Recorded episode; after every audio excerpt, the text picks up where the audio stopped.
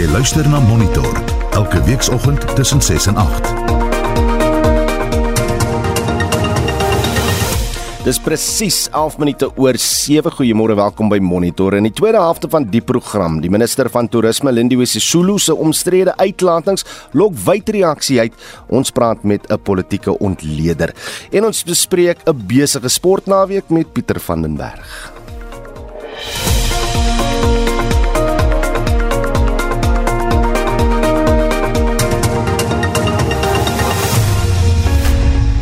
Die stof wil nie gaan leer uh, gaan lê rondom die uitlatings van die minister van toerisme Lindiwe Sisulu nie. Sy is kwaai geroskam deur onder andere waarnemende hoofregter Raymond Zondo en die minister van justisie en korrektiewe dienste Ronald Lamola na 'n meningsartikel waarin sy die regbank aanval. Sy het gister skerp op Lamola se openbare brief reageer. Ons praat nou hieroor met die politieke ontleder en voormalige parlementslid en professor in kommunikasie Dr Pieter Mulder. Dr Mulder, welkom terug by Monitor monitor. Baie dankie, Roo. Jy jy skryf in 'n artikel dat Sisulu se meningsartikels lyk of 'n spookskrywer uit die faksie van die radikale ekonomiese transformasie, kortweg RET, in die ANC agter die artikel sit. Hoe so? Uh, Roo, almal ken wel mense wat haar ken, Sisulu weet sy's 'n vriendelike persoon, maar ek het haar nog nooit ervaar as iemand met uh, diep filosofiese denke met fyn formulerings nie as hierdie stukke lees, hierdie stukke te sterk regs filosofiese agtergrond, en ek oortuig dit is geskryf deur 'n regspersoon. Dit is sou geen regs agtergrond bevoor nie. So dis eintlik 'n herhaling van die argumente van die Zuma faksie, van die Ysmakashule en RET faksie eintlik. So ek sou oortuig iemand gebruik die argumente om haar beeld te probeer bou as 'n moontlike kandidaat teen Ramaphosa. Sisulu skryf onder meer die gevaarlikste Afrikaan vandag is die geestelik gekoloniseerde Afrikaan. Wanneer uh, hy in 'n leier 'n leiersposisie kom, is hy erger as jou onderdrukker. Uh, sluit aanhaling. In in hierdie uh, is hierdie RET aanval op president Ramaphosa. Ja, ek dink so. Ek dink dit is gedeeltelik op sy sonde, maar dit sonder twyfel. Uh, RET aanval op uh, Ramaphosa. Onthou, die RET faksie beskryf graag vir uh, Ramaphosa as 'n gevaarlike pion van wit kapitaal. Nou as 'n Zulu waarsku teen 'n geestelik gekoloniseerde Afrikaan, is dit vir my maar net 'n ander manier om dieselfde te sê, pion van wit kapitaal. En ek dink dit bevestig van net weer 'n keer waar kom hierdie aanval vandaan van daai faksies en net daai denksrigting uit ja. En wat dit vir ons sê is die RET faksie is hulle staan gereed vir die stryd die, die later uh, die jaar. Ja, ons sonder twyfel. En hulle nee, hulle het 'n probleem met die kandidaat eintlik so hulle soek iemand om as 'n kandidaat te nomineer en hulle hoop net nou maar beeld te bou op hierdie stadium as die beste moontlikheid wat lê, ja. Tot hoe mate ondermyn Sisulu se aanval op die regbank die bevindinge van die Zondo-verslag? Wel, dit en dit dis dis dis deel van die ding waarskynlik onthou die Zondo-verslag was spesifiek op mense in die ANC wat nou in die moeilikheid is en dit is 'n manier om dan hele geloofwaardigheid van die regbank aan te val, maar dit is ongelooflik vir iemand in die kabinet wat die grondwet eintlik 'n eed van getrouheid aan moet sweer om sulke soort van dinge te doen, ja. Wat my fascineer Dr Mulder is sy sy maak die punt herhaaldelik dat welgestelde ryk Afrikane baat vind uit die grondwet, maar dat dit nie die armes bevoordeel nie.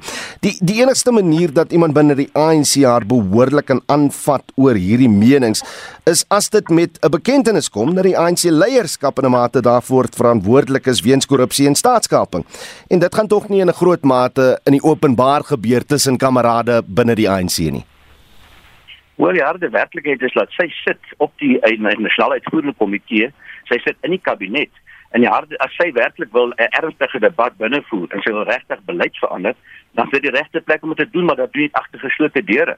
As jy nou na buite toe onmiddellik 'n media ding vra en in skryf in die koerante, dan wil jy nie regtig menings verander nie, dan wil jy aandag trek uiteindelik as 'n kandidaat na vorentoe. En sy self het 'n baie lekker luukse lewe tot nou toe gehad en baie goed met haar gaan en sy was tot onlangs nog aan die Ramaphosa kamp. In 2017 was sy aan Ramaphosa se kamp by die vorige konferensie. So dit is bietjie en aardig dat hy so baie verander het in so kort het. As jy as jy Cyril Ramaphosa is en jy sien die uitlatings wat gemaak is en die reaksies wat nou volg op mense soos Lamola se woorde of op mense soos Zondo se woorde, wat doen jy as president van die party en die land? Wel dis 'n moeilike een vir hom uiteindelik. Aan een kant moet hulle haar antwoord, hulle Molla het geantwoord en selfs die president se kantoor het daar baie hard tereggewys as ook Zondo het 'n media konferensie gehou wat goed ek nie president het nog niks gesê nie en ek dink hy het 'n probleem. Die probleem is as jy mooi gaan terugdink aan 2007, toe het Jacob Zuma duidelik gemaak hy gaan teen Mbeki staan as president en toe het Mbeki hom as adjunkt president afgedank. Nou die effek was dat Zuma toe 'n martelaarsrol, soort van 'n veronregte rol daarna gespeel het en die effek was hy het hom so gewild gemaak by die massas dat hy uiteindelik met Bekkie gewen het by die Polokwane verkiesing. Hmm. Ek kan vaar maar Posa moet hierdie inreken of dit nie dieselfde kan gebeur dit lyk of jy 'n opponente uitskakel met die bangerswille en dan bou jy hulle beeld nie en ek dink dis hoekom ek tot nou toe nog stil bly. Ek wonder hoe jy voel Dr Mulder het Sesulu genoeg ondersteuning self om Ramaphosa einde van jaar op die ANC se leierskap konferensie te verslaan. Ek dink nie so nie. Onthou sy by die vorige leierskiesing in 2017 het sy ook begin vroeg begin en probeer staan uiteindelik en sy het vroeg uitgeval vir presidentskap, uiteindelik ook sy adjunkt presidentskap uitgeval. En ek dink sy begin te vroeg. Jy weet ek gebruik graag die beeld van as jy atletiek 800 meter hardloop, is dit belangrik om strategies so in die bondel te hardloop en dan op die regte oomblik verby te skiet.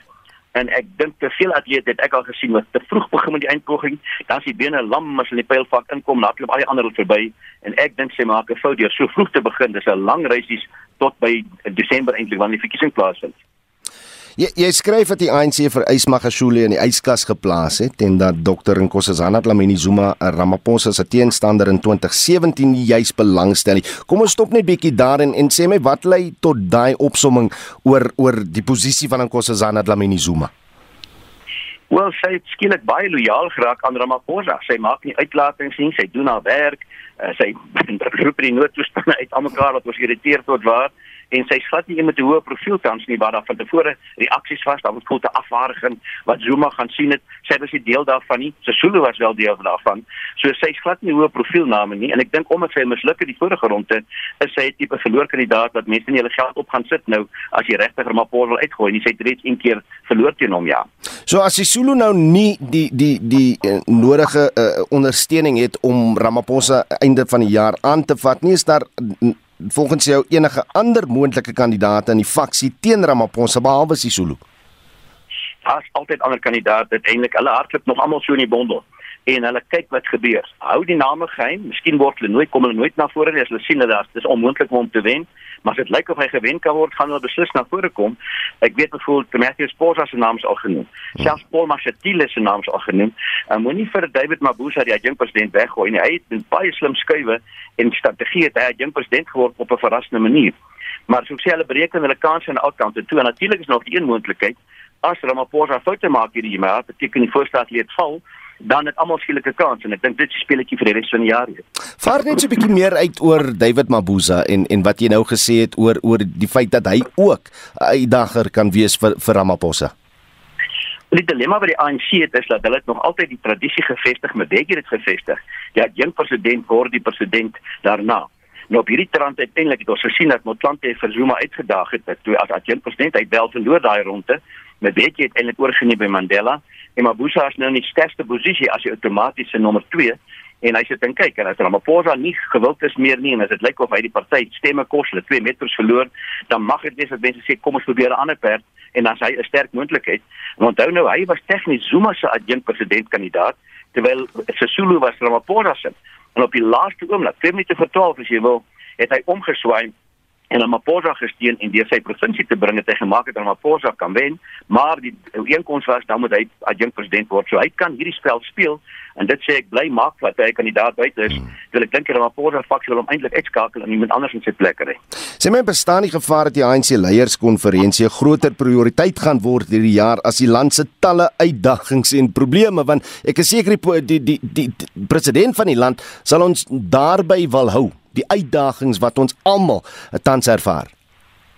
Wel, dis 'n baie goeie opsou. Dit is presies die moeilikheid wat ek vorentoe sien. Met ander woorde, eh, eh, die die prioriteite tans is is wat met Zuma doen. Hy moet die Zondo verslag moet monteer. Hy moet die ekonomie nie gaan kry. Hy moet werkloosheid aanhou spreek. En ek kan 'n lang lysie maak daarvoor, maar as ek na hierdie debat kyk binne die eerste tweede week van die nuwe jaar en die reaksie binne die ANC, dan is die leiersverkiesing nou reeds 'n uh, prioriteit. En dis 'n bekommernis. Ramaphosa moet 'n klomp ongewilde besluite neem om hierdie probleme op te los, maar om ongewild te wees voor 'n herverkiesing, dit mag net wees hy sê oog hou op die herverkiesing en liewers maar die ANC se belange boorstel die ander een en dan het ons 'n slegte jaar wat voor lê. Sê my wat dink jy gaan gebeur Dr Mulder? Gaan ons nou sien dat Sisulu se uitdagings en uitlatings bietjie stoom gaan verlore? Gaan ons om die beurt sien diegene binne die RET uh hoe hulle begin uh, stem dik maak uh, oor die uh, volgende jaar? Wel, ek het gesien 'n probleem dat nie sterk kandidaat op die oomblik het nie. Uh, as Ys Magashile dalk kan onskuldig wegkom voor einde van die jaar, dan kan hy as 'n martelaar na vore kom en 'n kandidaat wees. Maar ek dink die ding gaan net saggies wegraak met Ramaphosa moet hom net ignoreer. Daai spookskrywer het nou als geskryf wat hy wil skryf. Ek weet of hy nog slim argumente het nie. En as die ding nou gelaat word, gaan hy stadig weghardloop en uh, die ding gaan aangaan vorentoe uiteindelik. So ek dis die maklike manier en dis hoekom ek sê ek dink sy te gou begin. Sy is nou amper in die pylvak en na binne is lams ek dink so kyk en ja. Ek wonder tog of of van die ander kamerade nou weer eens gaan gaan uitlatings maak op haar nuutste skrywe. Uh en of dit wel 'n goeie idee is want dit lyk my waar ook al iemand uitgelok word gaan dan nou weer 'n reaksiestuk geskryf word Want ek glo sy wil reaksie hê. Met ander woorde, dit jy's die ding, sy moet nie openbaar bly. Wat my aardig is, hierdie laaste reaksie vanaand, dan beklei sy kwai met Lamola, die minister van Justisie en sê, "Hoekom praat jy met myself? Ons is kollegas, ons sien mekaar in die kabinet, praat een op een en uh, agter die deur met my." Maar sy self gaan in die openbaar en val hulle almal aan, maar as jy terugreageer met jy saggies met haar alleen praat, dit maak nie vir my sin nie, hmm. maar ek dink sy wil hê die debat moet aangaan en ek dink as hulle slim is, los hom net uiteindelik, hy sal net saggies wegraak, ja.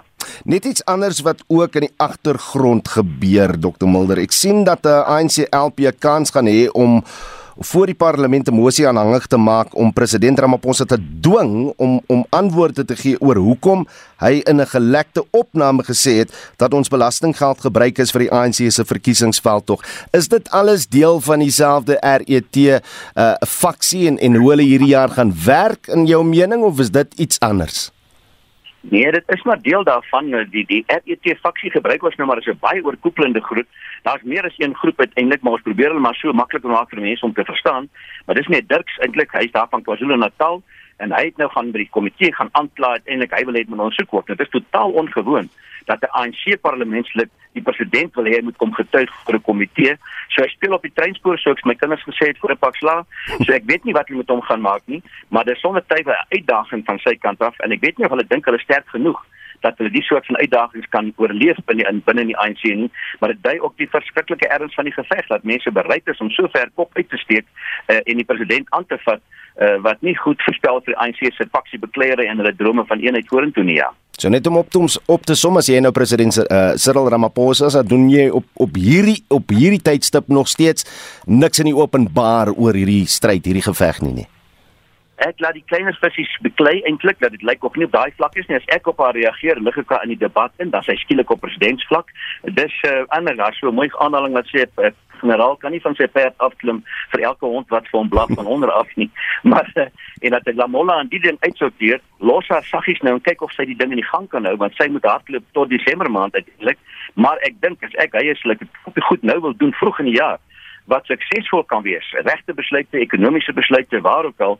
En dan kan jy van Junie af kan jy begin hardloop en ek probeer gewild wees, maar dan moet jy eers bewys. Ek is die beste kandidaat want die elke ANC sê watter man op die plakkaat gaan vir my help as ek weer stadsraad toe wil gaan of ek parlement toe wil gaan. Is Ramaphosa die beste gesiggie of moet ek liewer iemand anders kies en dis heel jaar se oorwegings ja. En dit was voormalige parlementslid en professor in kommunikasie Dr Pieter Mulder. Die valke ondersoek onder meer 'n saak van poging tot moord, inbraak, kwaadwillige sakebeskadiging en intimidasie nadat 'n man gewond is in die SAIK gebou in Bloemfontein. Die verdagte is gewond tydens 'n gestoei met 'n sekuriteitswag nadat hy in die Lisedi Studios eh, betrap is. Die 27-jarige man is onder polisiebewaking in die hospitaal. Hy sal na verwagting in die hof verskyn wanneer hy ontslaan word. Lisedi FM se programme is ook onderbreek terwyl die valke en die polisie se plofstofkenners die gebou deursoek het. Die woordvoerder van die Valk in die Vrystaat, Christopher Singo. At this point uh, nothing was uh, taken inside the SABC. So it was just some notes that were written on the walls but nothing was taken. No one was injured, no security official was injured. It was only the suspect who was shot by one of the security officials. So we are investigating this matter at this point. So we will uh, give all the details once we interview the suspect, was the suspect testified at the hospital. Die verdagte het na bewering met die satelliete gepeter. Verskeie items insluitende 'n brief en geheuestokkies is in sy besit gevind. Die ondersoekers sal ook kyk na 'n moontlike verband nadat 'n Facebook gebruiker die publiek aangehits het om die CDFM kantore aan die brand te steek. Die SAIK is 'n nasionale sleutelpunt waar streng sekuriteit geld. Jy luister na Monitor elke weekoggend tussen 6 en 8. Afwacht in in die nuus. Eenheid 2 van Kuiberg kernkragstasie word vandag van die kragnetwerk verwyder vir onderhoudswerk. Skole in Kwakwa is vandag gesluit weens erge oorstromings in die gebied en ons praat oor die naweek se sport met Pieter van den Berg.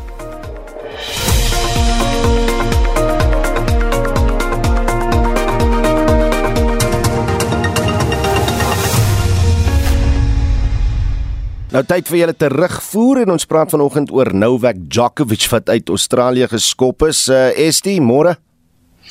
Môre Oudo uh, Herman Reinders laat weet dis goed dat hy uit die land uitgeskop is. Hy probeer 'n wêreldwye pandemie om sy vinger draai en minag immigrasiewette soos dit hom pas.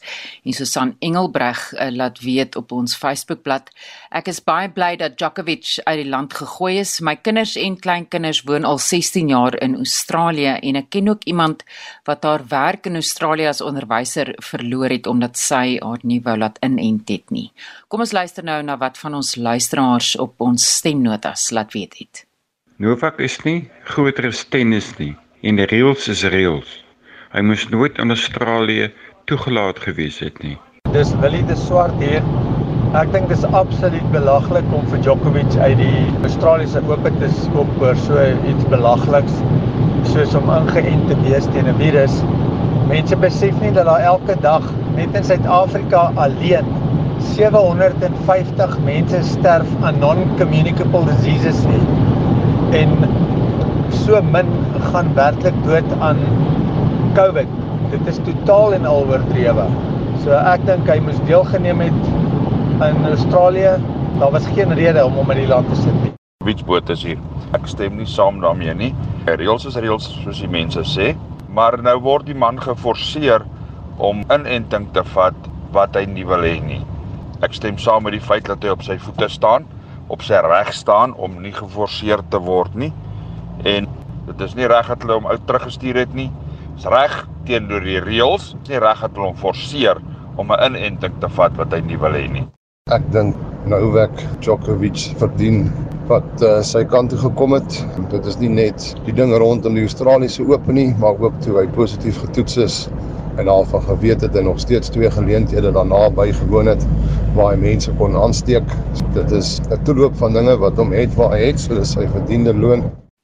En Bets Ferreira skryf vir ons: "’n Mens gee nie vals inligting op 'n visum aansoek nie. Hy het 'n kans gevat en is vasgevat. Dis jammer, maar hy het dit oor homself gebring."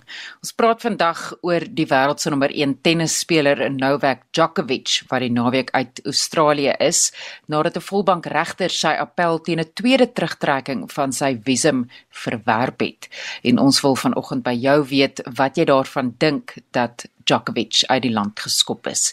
Stuur vir ons 'n SMS na 45889. Onthou dit kos R1.50 per SMS. Deel jou mening op ons Monitor en Spectrum Facebookblad of WhatsApp vir ons stemnota na 076 536 6961.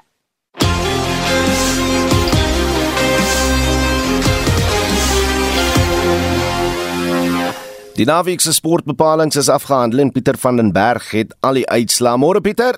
Jo.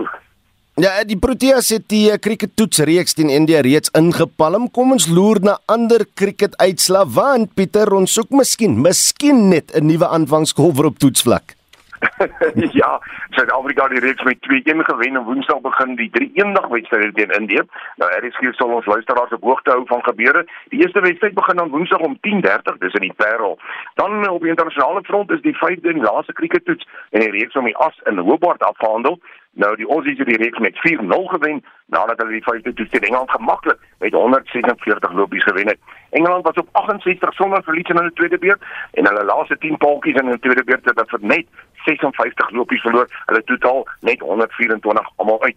En dan die derde eendag internasionale wedstryd tussen die Wes-Indiese eilande en Ierland is afgehandel en is Ierland wat daar gesê het met twee paaltjies. Die Windies het 212 aangeteken en Ierland het geantwoord met 214 vir 8. Op die rugbyveld het die Karibieke reeks die naweek begin en drie wedstryde is wel gespeel. Ja, Vrydag aand in Nelspruit lekker nat geweest, dit baie gereën en dit is die Pumas en die Bulle wat uh, daar kragtig gemeet het. Die Bulle het 'n bonuspunt oorwinning behaal deur 4-3 teenoor 1 te druk en die eindtelling was 33-19 dan in die Bulls se guns. Saterdag in die Karibieke reeks is dit die Vrystaat Cheetahs wat dit in die jong onervare span van Griekwas gespeel het en die Vrystaat serie daar met 30-20. Griekwas het 8 nuwelinge in hulle span gehad. Vrystaat het 3-3 gedruk teenoor die Pau Bloues se 2. En in Kaapstad is dit die WP en die Lions wat kragtig gemeet het. Die WP C4 daar met 48 36. Die WP druk 7-3 teenoor die Lions se 5. Nou die volgende ronde wedstryde word dan komende Woensdag gespeel. Dan om 0:30 die middag is dit die Lions teen die Pumas, dan in Durban om kwart voor 6 die aand is dit die Haie teen Griekwas en die WP en die Bulle. Hulle sal kragte met in Kaapstad. Daardie wedstryd begin uh, Woensdag dan om 8:00 die aand. En dan gister in Europa se Kampioenebeker, is dit Clermont wat die Cell Sharks met 25-19 getroof het. Bordeaux behaal 'n oorwinning van 45-10 oor Grenegli en dan die Northampton Saints. Hulle het pak gekry by die tuisveld. Ulster was baas met 24-20. En in die laaste wedstryd Oudo, is dit 'n groot oorwinning vir Leinster. Hulle klop vir Montpellier met 89-7. Ek het daardie wedstryd goed goed opgehou. Kom ons praat nou 'n bietjie tennis. Die Australiese Ope tennis toernooi is nou al weer aan die gang, maar wat was die voorbereidingstoernooi se uitslag geweest?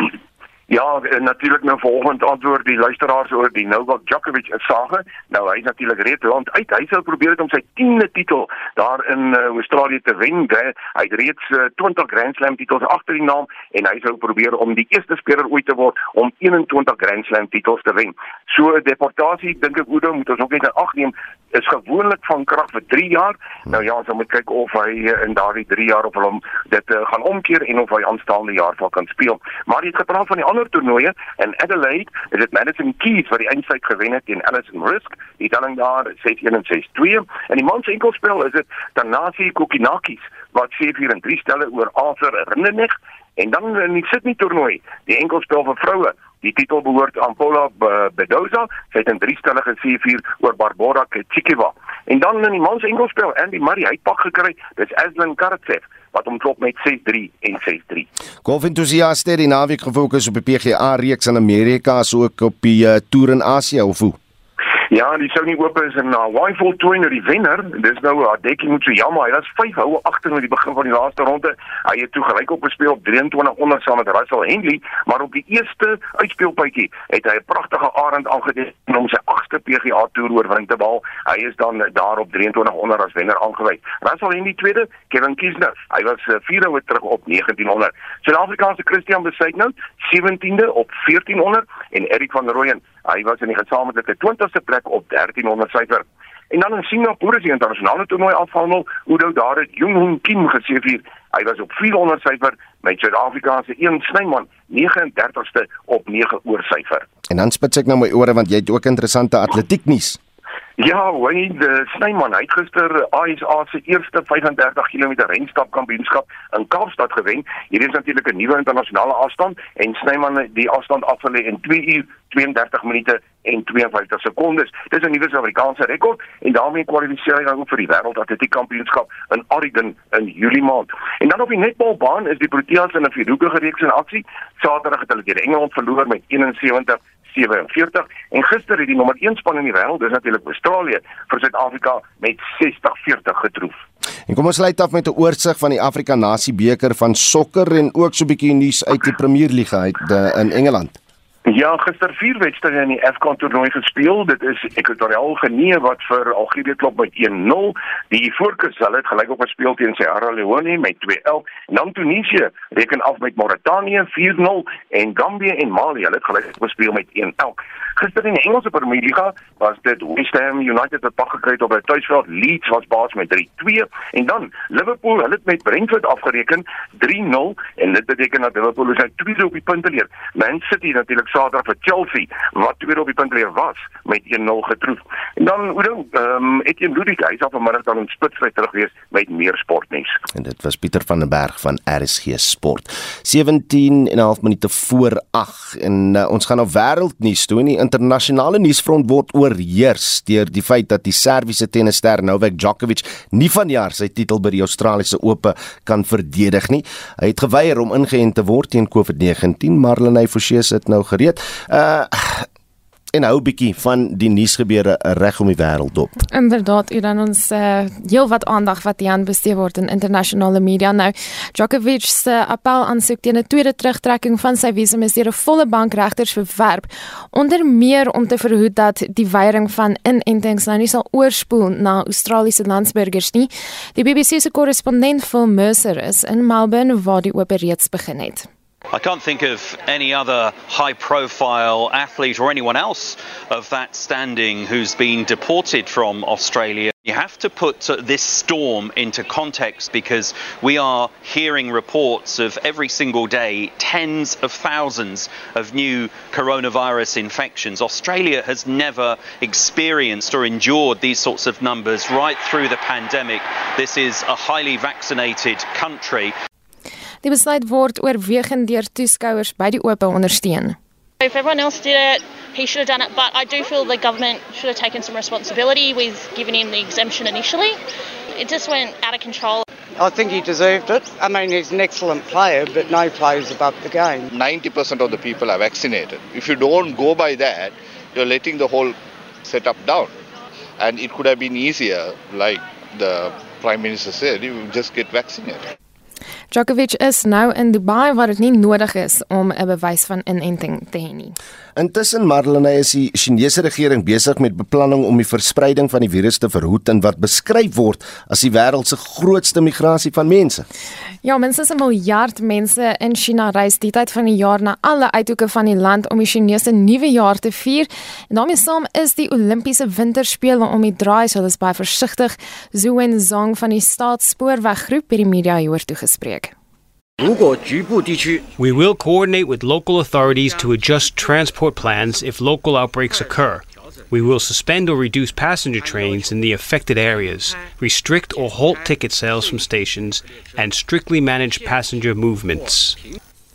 En dis in 'n duisende inwoners van Amsterdam, Nederland, die strate ingevaar teen COVID-19 inperkingsregulasies. Nou restaurante, kroë en ander ontspanningsfasiliteite is nou reeds sedert die feesseisoen gesluit weens rekordhoë infeksiesyfers. Dit terwyl die Franse regering nou sê dat almal bo 16 bewys van inenting moet hê om toegang tot plekke soos die te verkry. Ek kan nou net weer hoor. So in China is daar 'n toerismebedryf op tuisbodem van 'n miljard mense. Ja, hierdie tyd van die jaar, almal wil gaan nuwe jaar vier met die familie. En dan in Engeland is twee tieners in hegtenis geneem in verband met 'n ondersoek na na 'n gijslaersdrama by 'n uh, sinagoge in Texas, Amerika. Die Brit Malik Faisal Akram is dood tydens 'n skietgeveg met die polisie nadat hy vier mense uh, gijslaer gehou het. Ja, hy het 2 weke terug na Amerika gereis en het hom na bewering beywer vir die vrylating van 'n Pakistanse neurowetenskaplike wat aan die terreurgroep Al-Qaeda verbind word. Nou voormalige senior intelligensieontleder van die FBI, Javed Ali, sê daar's heelwat vrae wat op hierdie stadium nog beantwoord moet word. They're going to be talking to people who knew him, obviously his family, and it sounds like the British authorities are assisting with that. Uh, how much evidence did he leave from a digital perspective, either on his devices, phones, social media? Uh, clearly, he was making statements during the, the standoff. So there's a lot to unpack in terms of his radicalization and, and mobilization and why he acted this way. But right now, it's still too early. Nou die saak word ondersoek deur die Britse polisie en die FBI. En dan laastens verskuif ons eh, die aandag na Tonga in die Stille Oseaan na die afgelope naweek se vulkaniese uitbarsting en tsunami is in die Seelandse besending op pad na die eilandgemeenskap om eh, 'n skadebepaling uit te voer. Dit is nog onduidelik presies hoe ernstig die situasie daar is veral omdat telefoniese en internetverbindings nog nie gereed is nie, is nog 'n verbreek. Geen sterftes is sover aangemeld nie, maar volgens die humanitêre organisasies Rooikruis en Red Crescent word minstens 80 000 mense hierdeur geraak. En dit was Marlenae Forsie met vanoggend se internasionale nuus. 13 minute voor ons ons tot sien sê uh, en, en ek sien die gesogte Noord-Amerikaanse Sundance rolprentfees het op die laaste nippertjie besluit om vanjaar se fees eerder virtueel te hou. Die fees wat einde Januarie plaasvind sou soos gebruiklik in die deelstaat Utah plaasvind. Die Berlynse rolprentfees oorweeg dit nou ook om eerder slegs die virtuele roete te gaan. Anne-Marie Jansen van Vieren berig. Die akteur Robert Redford het die Sundance Rolprentfees in 1969 begin. Sedertdien is die fees sinoniem met onafhanklike rolprentvervaardiging. Die organiseerders het egter nou besluit dat hulle eerder die fees virtueel gaan aanbied. Die voorsitter by die drama departement van die Universiteit van Pretoria, Dr. Chris Broodryk, sê COVID-19 en veral die Omicron variant is die rede daar was omtrent konsternasie toe Sundance aangekondig het dat hulle net 'n aanlyn fees gaan hê hierdie jaar. Dis natuurlik alles vanweë Omicron wat so hoogs aansteeklik is en so maklik versprei. En daar's 'n pragtige persvrystelling op die Sundance webblad wat nou mooi uiteensit hoe kom hulle dan nou net aanlyn sal wees. Kyk, is 'n belangrike fees hierdie. Sedert Robert Redford die fees vir die eerste keer aangebied het, is dit 'n baie goeie mark veral vir jou kleiner rolprente soos Coda tans beskikbaar op die Apple diens om 'n groter gehoor te kan bereik. En die klem hier op mark is nogal belangrik want dit is vir al jou platforms soos Netflix, Amazon en dan ook Apple wat gereed staan om van die top rolprente te kan koop. Hulle sal maklik 3 tot 5 selfs meer miljoen dollar op 'n slag neersit per rolprent om seker te kan maak dat hulle 'n spesifieke titel na hulle platforms toe kan bring. Ek wens net hulle het beter bemarking gedoen vir baie van hierdie groot titels wat hulle so graag wil aankoop. Hy sê die sosiale media gons met feesgangers wat tevrede of ontevrede is met die gedagte van 'n virtuele Sundance rolprentfees het natuurlik te maak met die feeservaring self. As jy in Utah is en jy woon die fees by, is natuurlik heeltemal iets anders om in daardie ruimtes te wees om letterlik skouers te skuur dan nou met van die hoëgeplaastes in die Amerikaanse rolprentbedryf. En as jy aanlyn is, kan jy nie 'n uh, regisseur of 'n vervaardiger na die tyd vinnig vir koffie of vir 'n glas wyn vat nie. Jy moet nou maar hoop iemand stuur dalk maar net vir jou e-pos na die tyd. Tog is daar baie kritici, veral die internasionale kritici, wat dankbaar is vir die aanlyn fees en dit beteken dat hulle 'n klomp COVID-verwante admin gespaar word en dit beteken dat hulle rustig vanuit hulle eie voorkamers die fees sal kan bywoon en baie van die belangrike flieks so sal kan kyk. Waar een kritikus wat tans in Berlyn gebaseer is, gesê het: "Ag hoe jammer, hy het so uitgesien, hy het klaar sy kaartjies gekoop en so was daar talle ander kritici van oor Europa wat hom aangevat en gesê het maar dis nog 'n geweldige voorreg om jaarliks al hierdie feeste by te woon en dit te kan bekostig en daar's baie kritici wat dit eenvoudig nie kan befonds nie en in daardie opsig werk hierdie aanlyn fees vir hulle baie goed. So hoe lyk die toekoms? Broodryk gee sy mening. 'n Mens hoop dat teen 2023 meeste van hierdie feeste werklik die ideale hibriede model sal kan volg wat Sundance self beoog het ook vir 2022 en wat nou nie sal kan gebeur nie waar daar 'n fees is wat in die feesruimtes plaasvind in Amerika en waar daar ook 'n aanlyn komponent is. Sodat diegene wat die feeservaring wil en kan beleef en kan bekostig sê mense natuurlik by dit wel sal kan doen en dat ander kritici sal kan inskakel aanlyn om die nodige rolprente en besprekings te kan beleef en waardeer. Dit was Dr Chris Broodryk, 'n rolprentdosent by die Universiteit van Pretoria, en ek is Anne Marie Jansen van Vuren vir SAK nuus. 'n Energiekenner sê die oplossing vir die land se ernstige kragvoorsieningsprobleme is nie in die bou van nuwe opwekkingskapasiteit nie, maar deur bloot ou kragstasies te sluit. Microsoft, die bedryfshoof van Independent Energy Thought Leader, sê Eskom hoef net sy oudste steenkoolkragsentrale te sluit en hulpbronne na ander kragstasies te herlei om sy kroniese bedryfsprobleme te oorkom. Ek stem glad nie saam nie. Dit is te hoog en Eskom fokus op die tariewe in plaas van om te kyk na die beskikbaarheid van hulle vloot. So as daai enigsins in daai omgewing vir hulle toegeken word, sal dit totale 'n uh, mors van geld wees. Wat Eskom moet doen is hulle moet hulle huidige kragstasies se uh, bruikbare krag verbeter en op hierdie manier meer aankope kry. En dit is wat dit is. Maar die prys self is glad nie aanvaarbaar nie. Ek dink nou aan beerdkrag vir jaar 2022. Dit raak baie besighede en Jan en Alleman kan al klaar nie die ou tariewe bekostig nie. Hoe ja. beerdkrag vir ons lyk vir 2022? As Eskom aangaan soos hulle heidaglik aangaan, gaan beerdkrag erger word. Met ander woorde, dit gaan meer gereeld toegepas word en vir langer tye. So ongelukkig, dis nie goeie nuus nie, maar dit is die realiteit.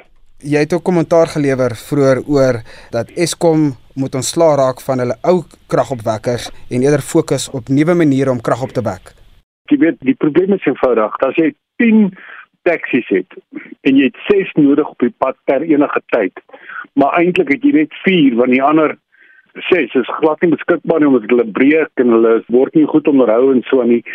Die vraag is eenvoudig, het jy nie genoeg taksies nie of doen jy nie onderhoud ordentlik nie? En die antwoord is eenvoudig. Onderhoud word nie ordentlik gedoen nie van daai ses taksies wat nie nooit omtrent beskikbaar is nie, twee van hulle moet al lankal afgetree gewees het omrede hulle kos 'n groot klomp geld en hulle is net nie diensbaar nie. So raak ons laat met hulle. As jy nou enige voorstelle het vir Eskom om hulle bedryf te verbeter, wat sal jou voorstelle wees? Eskom moet ophou por por por en bedel vir ekstra pryse. Wat hulle moet eintlik doen het, en dit is totaal binne hulle beheer. Hulle moet meer krag beskikbaar stel, minder kragonderbrekings en vir die mense geleentheid gee om hulle ekonomie te bou. En in so ook buitelandse investeerders aantrek om hulle krag te koop. Heidiglik doen hulle die teenoorgestelde. Mense loop weg van hulle krag af, hulle koop nie krag van hulle nie. Is te duur en is onbeskikbaar. So is eenvoudig. Fokus op krag verkope in plek van kragpryse.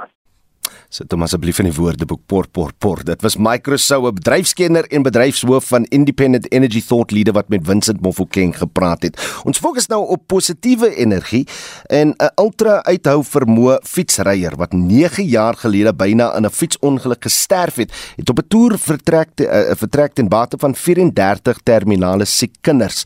Grant Lottering wil sy Crosscape Impossible Dream Tour van Plettenberg Bay tot Stellenbosch binne 48 uur voltooi. Tanya Krause doen verslag.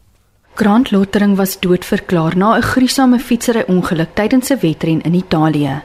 Chirurge moes 'n noodoperasie op die toneel uitvoer.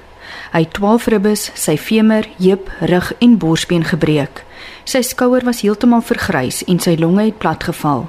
Dokters het gesê hy sal nooit weer fietsry nie. Maar na verskeie operasies en rehabilitasie het hy 'n jaar later na die plek van die ongeluk teruggekeer om die wedloop te voltooi. Lottering sê hy het sedertdien verskeie fietstoere onderneem ten bate van terminale siek kinders. 2013 het ek 'n ongeluk gehad, hulle het my dood verklaar in Italië in die Alpe en hulle het my gesê gaan nooit weer 'n fiets ry nie. Ek het andersins besluit ek doen nou toere elke jaar en ek doen dit om geld in te samel vir kinders of deur Larius Sport for Good of deur Reach for a Dream en ek sluit altyd berge in my toere in want mense het berge wat hulle moet oorkom in hulle lewens. Kinders het berge. Baie kinders in die land kry ongelooflik swaar. Lotering gaan 'n totale afstand van 835 km en het minder as 16000 meter se vertikale klim af lê.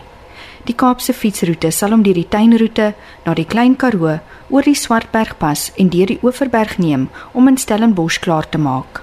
Hy sê dis alles ten bate van 34 kinders die Reach for a Dream. En ek gaan julle ondersteuning nodig hê. Ons wil 34 drome laat vervul. en want Reach for a Dream is 34 jaar oud. So daar's 34 kindertjies wat hoop daar gaan genoeg geld inkom dat hulle drome kan bewaarheid word. So ondersteun my en dankie dat ek hierdie met julle kan deel. Diegene wat belangstel om sy veldtog te ondersteun, kan sy sosiale media bladsye of die Reach for a Dream webwerf besoek vir besonderhede.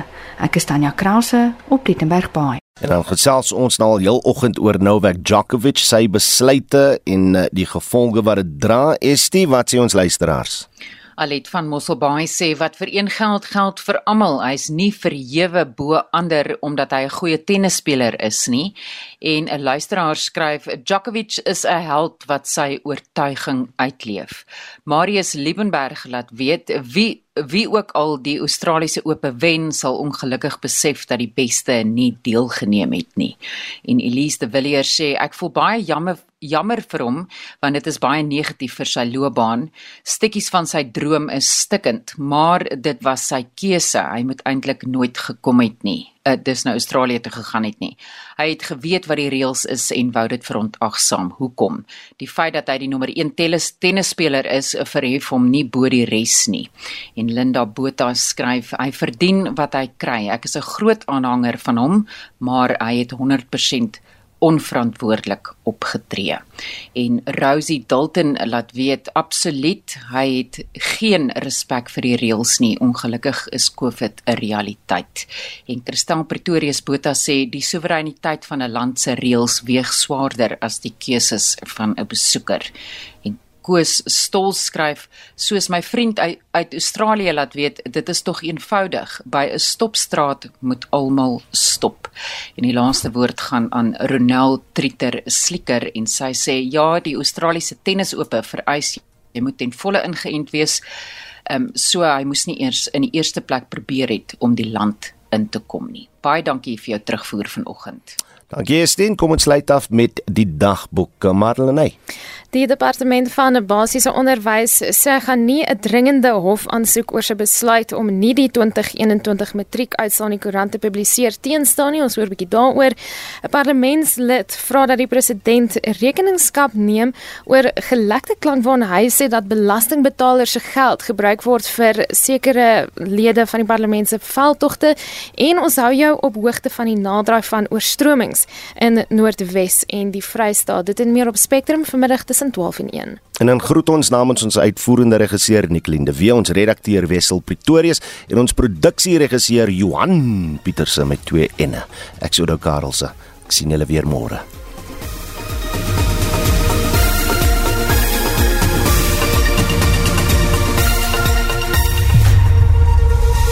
Esai Kahnis, onafhanklik, onpartydig.